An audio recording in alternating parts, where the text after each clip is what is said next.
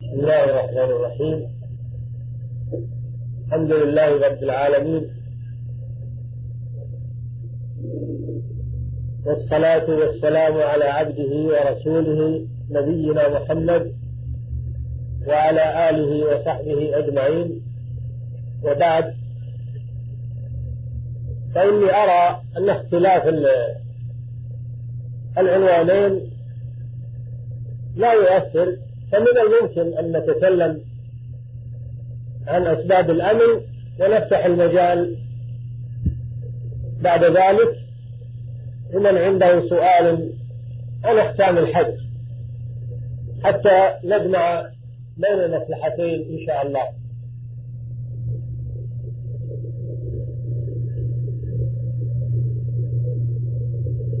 لا لا بعدها أسباب الأمن لا شك أيها الإخوة أن الأمن مطلوب وضرورة من ضرورات الحياة البشرية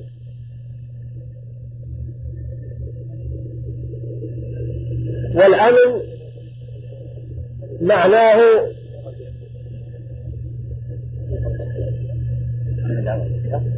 طمأنينة القلب واستقراره وعدم الخوف فالأمن ضده الخوف من أمن يأمن أمنا إذا ذهب عنه الخوف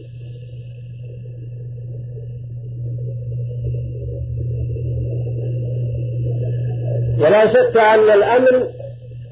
كما أشرنا من ضروريات الحياة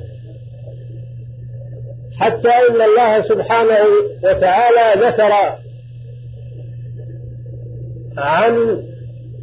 خليله إبراهيم أنه لما دعا أنه لما دعا لهذه البلاد المقدسة ولأهلها قدم الأمن قدم الدعاء بالأمن على الدعاء بالرزق قال سبحانه وتعالى حكاية عن إبراهيم عليه الصلاة والسلام أنه قال رب اجعل هذا بلدا آمنا وارزق أهله من الثمرات لعلهم يشكرون رب اجعل هذا بلدا آمنا وارزق أهله من الثمرات من آمن منهم بالله واليوم الآخر قال تعالى في الآية الأخرى رب اجعل هذا البلد آمنا واجنبني وبني أن نعبد الأصنام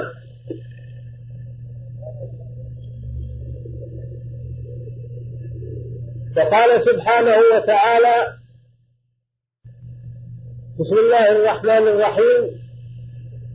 لإيلاف قريش إيلافهم رحلة الشتاء والصيف فليعبدوا رب هذا البيت الذي أطعمهم من جوع وآمنهم من خوف فدلت هذه الآيات الكريمة على أن الأمن قرين الطعام والشراب وأن الخوف قرين الجوع أطعمهم من جوع وآمنهم من خوف قال تعالى وضرب الله مثلا قرية كانت آمنة مطمئنة يأتيها رزقها رغدا من كل مكان فكفرت بأنعم الله فأذاقها الله لباس الجوع والخوف بما كانوا يصنعون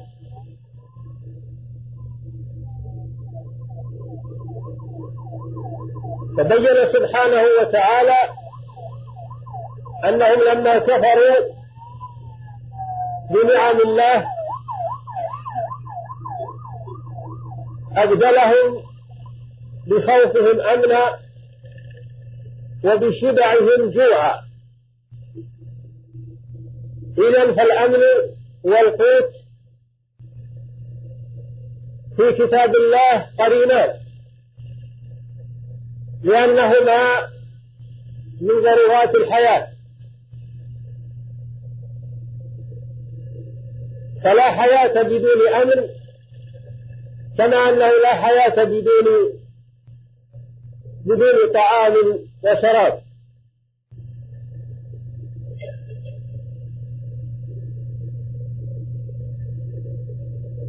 فمن نعم الله على عباده أنه يمتن عليهم بوفرة الأمن إذا هم أطاعوه بوفرة الأمن وإدرار الأرزاق إذا هم أطاعوه ومن عقاب الله لعباده العصاة أنه يسلبهم هاتين النعمتين العظيمتين إذا فالأمن من أعظم نعم الله على عباده كما أن الطعام والشراب من أعظم نعم الله على عباده وقال النبي صلى الله عليه وسلم من أصبح آمنا في سربه معافا في بدنه عنده قوت يومه فكأنما حيزت له الدنيا بحذافيرها مما يدل على ضرورة الأمن للبشرية جماعات وأفرادا وقد جعل الله جل وعلا للأمن أسبابا إذا تحققت توفر الأمن وإذا اختلت اختل الأمن بحسب نقصانها وانعدامها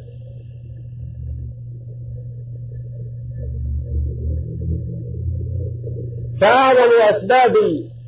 الأمن وجود الإيمان وجود الإيمان بالله سبحانه وتعالى كما يجب فالأمن والإيمان قرينان كما قال تعالى الذين آمنوا ولم يلبسوا إيمانهم بظلم أولئك لهم الأمن وهم مهتدون فالأمن في الدنيا وفي الآخرة الأمن في الدنيا من من المصائب ومن الجوع ومن الخوف من الأعداء إنما يتوفر بتوفر الإيمان وكذلك الأمن في الآخرة إنما يتوفر بالإيمان الذي لا يخالطه شرك الذين آمنوا ولم يلبسوا إيمانهم بظلم يعني بشرك أولئك لهم الأمن يعني في الآخرة وهم مهتدون يعني في الدنيا فهم في الدنيا على هدى وفي الآخرة يأمنون من عذاب الله والسبب في ذلك أنهم آمنوا إيمانا خالصا من الشرك فلم يلبسوا إيمانهم بذنب يعني بشرك فيتمثل هذا ويتمثل هذا السبب الذي هو رأس أسباب الأمن تتمثل في حالة العرب في هذه البلاد وفي غيرها قبل بعثة النبي صلى الله عليه وسلم فقد كانوا متفرقين متناحرين متباغضين يغير بعضهم على بعض ويسبي بعضهم بعضا ويقتل بعضهم بعضا فلما جاء رسول الله صلى الله عليه وسلم وبعثه الله رحمة للعالمين وآمنوا به وفر الله لهم الأمن فأصبحوا أمة واحدة كما قال سبحانه وتعالى يا أيها الذين آمنوا اتقوا الله حق تقاته ولا تموتن إلا وأنتم مسلمون واعتصموا بحبل الله جميعا ولا تفرقوا واذكروا نعمة الله عليكم إذ كنتم أعداء فألف بين قلوبكم فأصبحتم بنعمته إخوانا وكنتم على شفا حفرة من النار فأنقذكم منها وذلك يبين الله لكم آياته لعلكم تهتدون ويقول سبحانه وتعالى واذكروا إذ أنتم قليل مستضعفون في الأرض تخافون أن يتخطفكم الناس فآواكم وأيدكم بنصره ورزقكم من الطيبات لعلكم تشكرون أصبحت الأمة المتناحرة المتقاتلة أصبحوا إخوانا متحابين لا يظلم بعضهم بعضا ولا يعتدي بعضهم على بعض ولا يقدر بعضهم ببعض ولا يخون بعضهم بعضا حتى صاروا كما وصفهم الرسول صلى الله عليه وسلم كالبنيان يشد بعضه بعضا وكالجسد الواحد إذا اشتكى منه عين تداعى له سائر الجسد بالسهر والحمى هكذا الإيمان إذا وقر في القلوب جاء معه الأمن وذهبت معه الأحقاد والأضغان والبغضاء وحل محله الإخاء والتعاون على البر والتقوى حتى أصبح المسلمون بعد بعثة النبي صلى الله عليه وسلم مغرب المثل في النجاهة والأمن والاستقرار وحتى فتحوا البلاد وسادوا العباد في مشارق الأرض ومغاربها وسقطت تحت أقدامهم أعظم دول الأرض في وقتهم فارس والروم حتى أصبحت مملكة الإسلام في مشارق الأرض ومغاربها لا تغيب عنها الشمس كل ذلك بسبب الإيمان وهكذا هو الإسلام مفعوله واحد في أول الأمر وفي آخره إذا رجع المسلمون إليه وعملوا به كما عمل به صحابة رسول الله صلى الله عليه وسلم والقرون المفضلة حصل لهم من الأمن والاستقرار وسعة الملك ما حصل لأسلافهم وإنما يتخلف هذا بالتخلف عن التمسك بالإسلام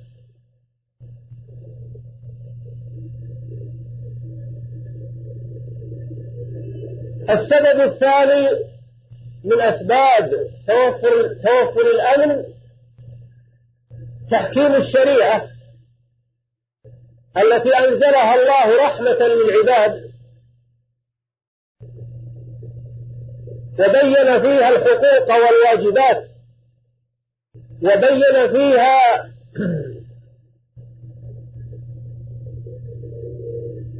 الآداب والأخلاق ووضع فيها الحدود والعقوبات للمعتدين فإذا حكم بهذه الشريعة الإسلامية توفر الأمن تحت ظلها لكل من دان بها واحتكم إليها حتى الكفار إذا انقادوا لحكم المسلمين وخضعوا لحكم المسلمين وبذلوا الجزية صاروا آمنين كما حصل لأهل الكتابين اليهود والنصارى من العيش الآمن تحت ظل الإسلام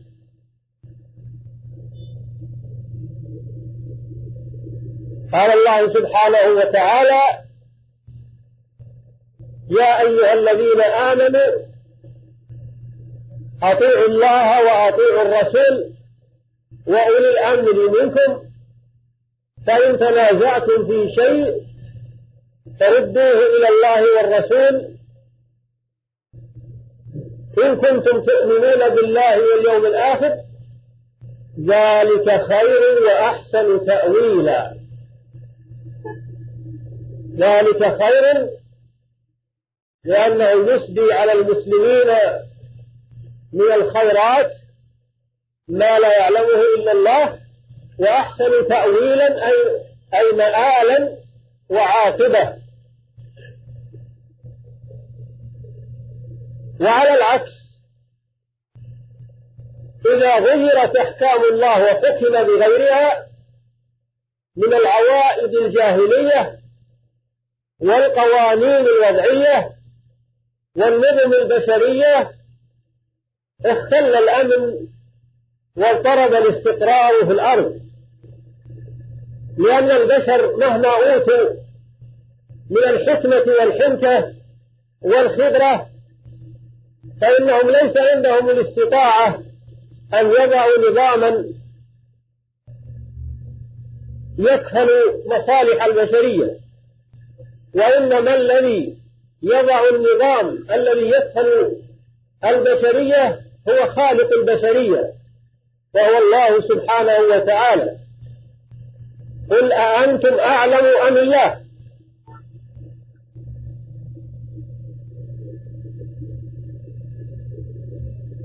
فالشاهد على ما نقول هو ما تعيشه هذه البلاد والحمد لله من أمن واستقرار ورخاء وطمأنينة بسبب ماذا؟ بسبب تحكيم هذه الشريعة وأن غيرها من الدول حتى الدول الراقية ماديا الراقية ماديا التي تملك الأسلحة والمدمرات والآلات الدقيقة لن تستطع أن توفر الأمن لشعوبها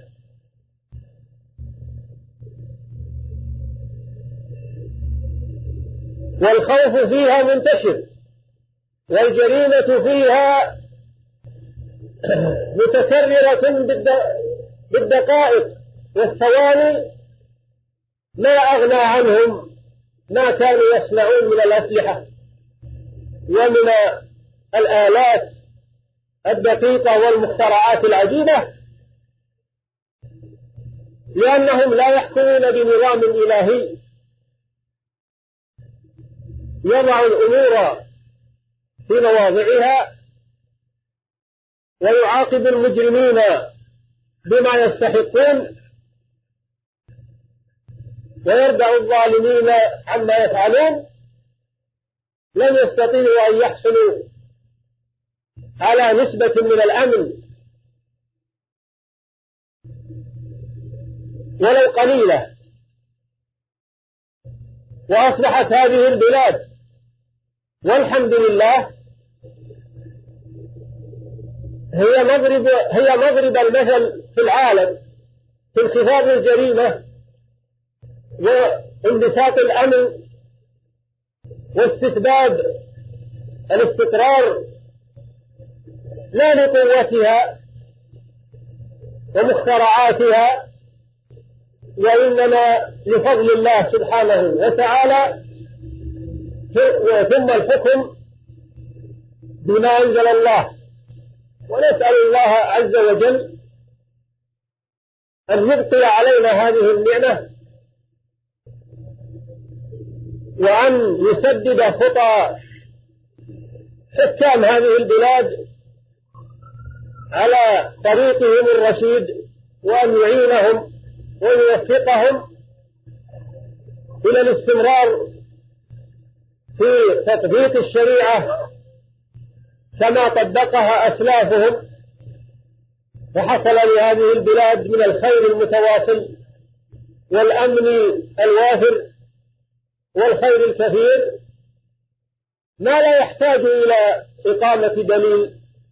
لأنه واقع ملموس شهد به الأعداء قبل الأصدقاء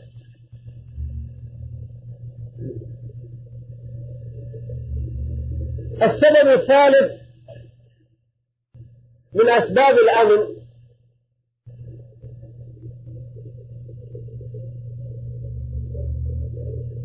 أن يكون هناك تذكير ووعظ وإرشاد وبيان وإيضاح للناس على أيدي العلماء من خلال خطب الجمع والأعياد ومن خلال الدروس الشرعية التي تقام في المساجد وغيرها ومن خلال الندوات والمحاضرات ووسائل الإعلام المختلفة ومن خلال التدريس في الفصول في مختلف المراحل الدراسية أن يكون هناك توعية وأن يكون هناك تبصير للناس وتخويف للناس من الوقوع في الجريمة والإخلال بالأمن وبيان العقوبات العادلة والآجلة التي تقع بالمجرمين يكون هناك توعية ويكون هناك تعليم ويكون هناك وعظ وتذكير حتى ترق القلوب القاسية وتتنبه البصائر الغافلة لهذا الأمر العظيم فإن غالب من يقعون تحت طائلة الجرائم وشراك الشهوات المحرمة غالبهم يكون ذلك عن غفلة وجهلة, وجهالة منه فلو بصر واستصلح ونبها لأدى ذلك إلى الخير الكثير والاستقامة على طريق الحق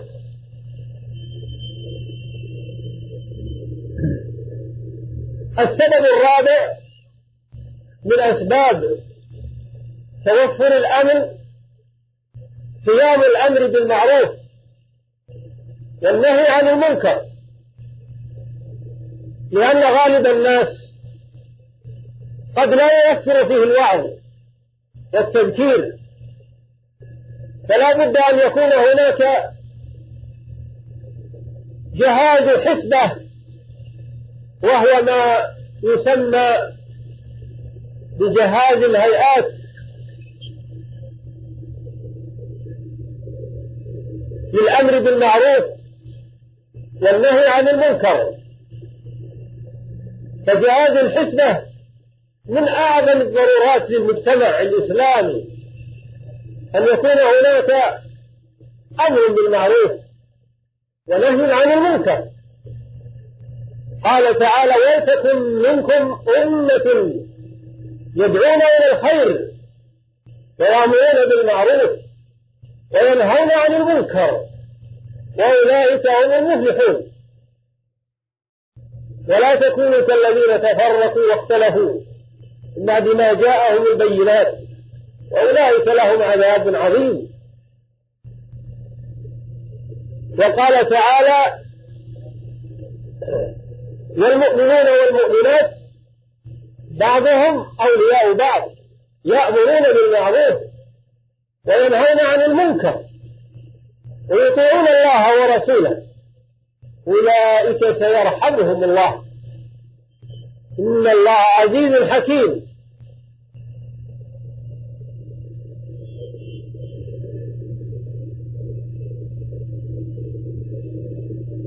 وقد جعل الله الأمر بالمعروف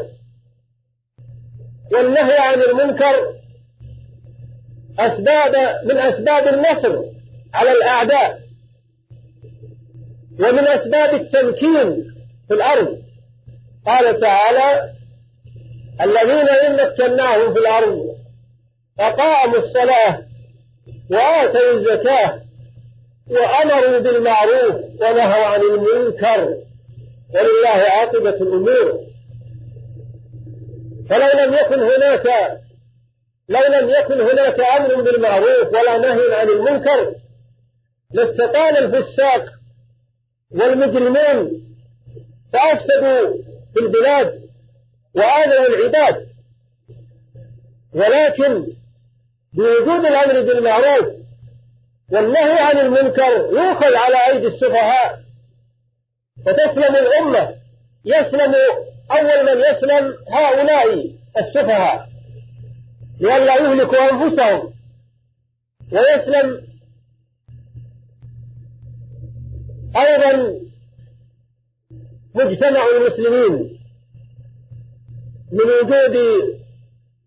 أسباب الهلاك قال تعالى كلا والله قال النبي صلى الله عليه وسلم كلا والله تأمرن بالمعروف ولتنهون عن المنكر ولتأخذن على يد السفيه ولتأطرنه على الحق أطرا ولتأسرنه على الحق أسرى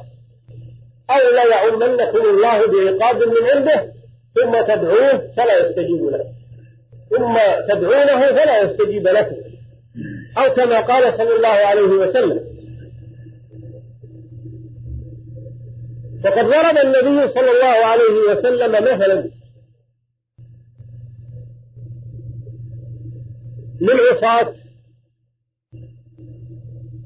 وأهل الصلاح ضرب مثلا لأهل الفساد وأهل الصلاح في المجتمع فقال مثل القائم على حدود الله والواقع فيها كمثل قوم استهموا على سفينة فأصاب بعضهم أعلاها وبعضهم أسفلها فكان الذين في أسفلها يمرون على من فوقهم لأخذ الماء إذا احتاجوا إلى ماء يصعدون إلى الطابق الأعلى ليغترفوا من البحر أو من النهر حاجتهم فقال الذين في الأسفل لو خرقنا في جانبنا خرقا ولم نؤذ من فوقنا يعني لو خرقنا في السفينة خرقا في أسفلها نأخذ منه الماء ولا يحتاج أننا نصعد إلى من فوقنا فنؤذيهم قال صلى الله عليه وسلم فلو تركوهم وما أرادوا لهلكوا جميعا يعني لو تركوا هؤلاء السفهاء يخرقون السفينة لدخلها الماء وغرقت بالجميع ولو أخذوا على أيديهم لنجوا ونجوا جميعا يعني لنجا أهل الطابقين الأسفل والأعلى وإذا تركوهم هلك أهل الطابقين الأسفل والأعلى كذلك المجتمع المسلم يجب على أهل الصلاح